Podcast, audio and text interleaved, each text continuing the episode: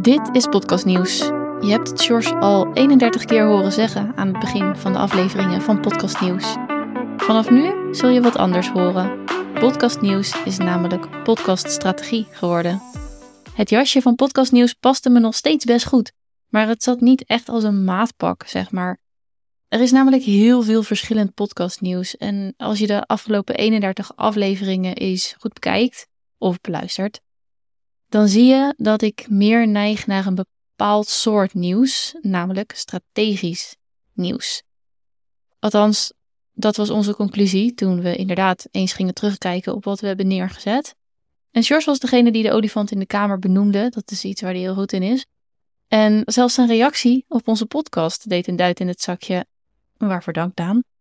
We veranderen de naam dus van podcast nieuws naar podcast strategie.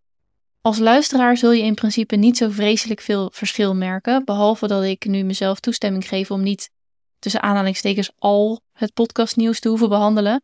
En dat deed ik al niet, want mergers en acquisitions waren al niet zo mijn ding. Maar je zult merken dat de focus nu volledig ligt op podcaststrategie.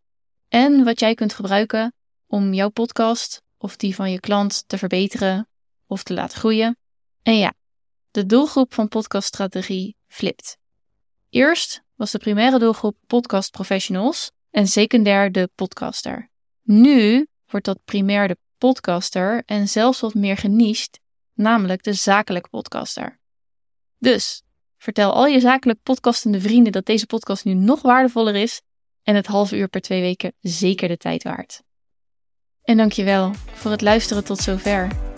We hopen dat we je met deze nieuwe richting nog meer kunnen helpen je podcast tot een groot succes te maken, wat jouw definitie van succes ook is.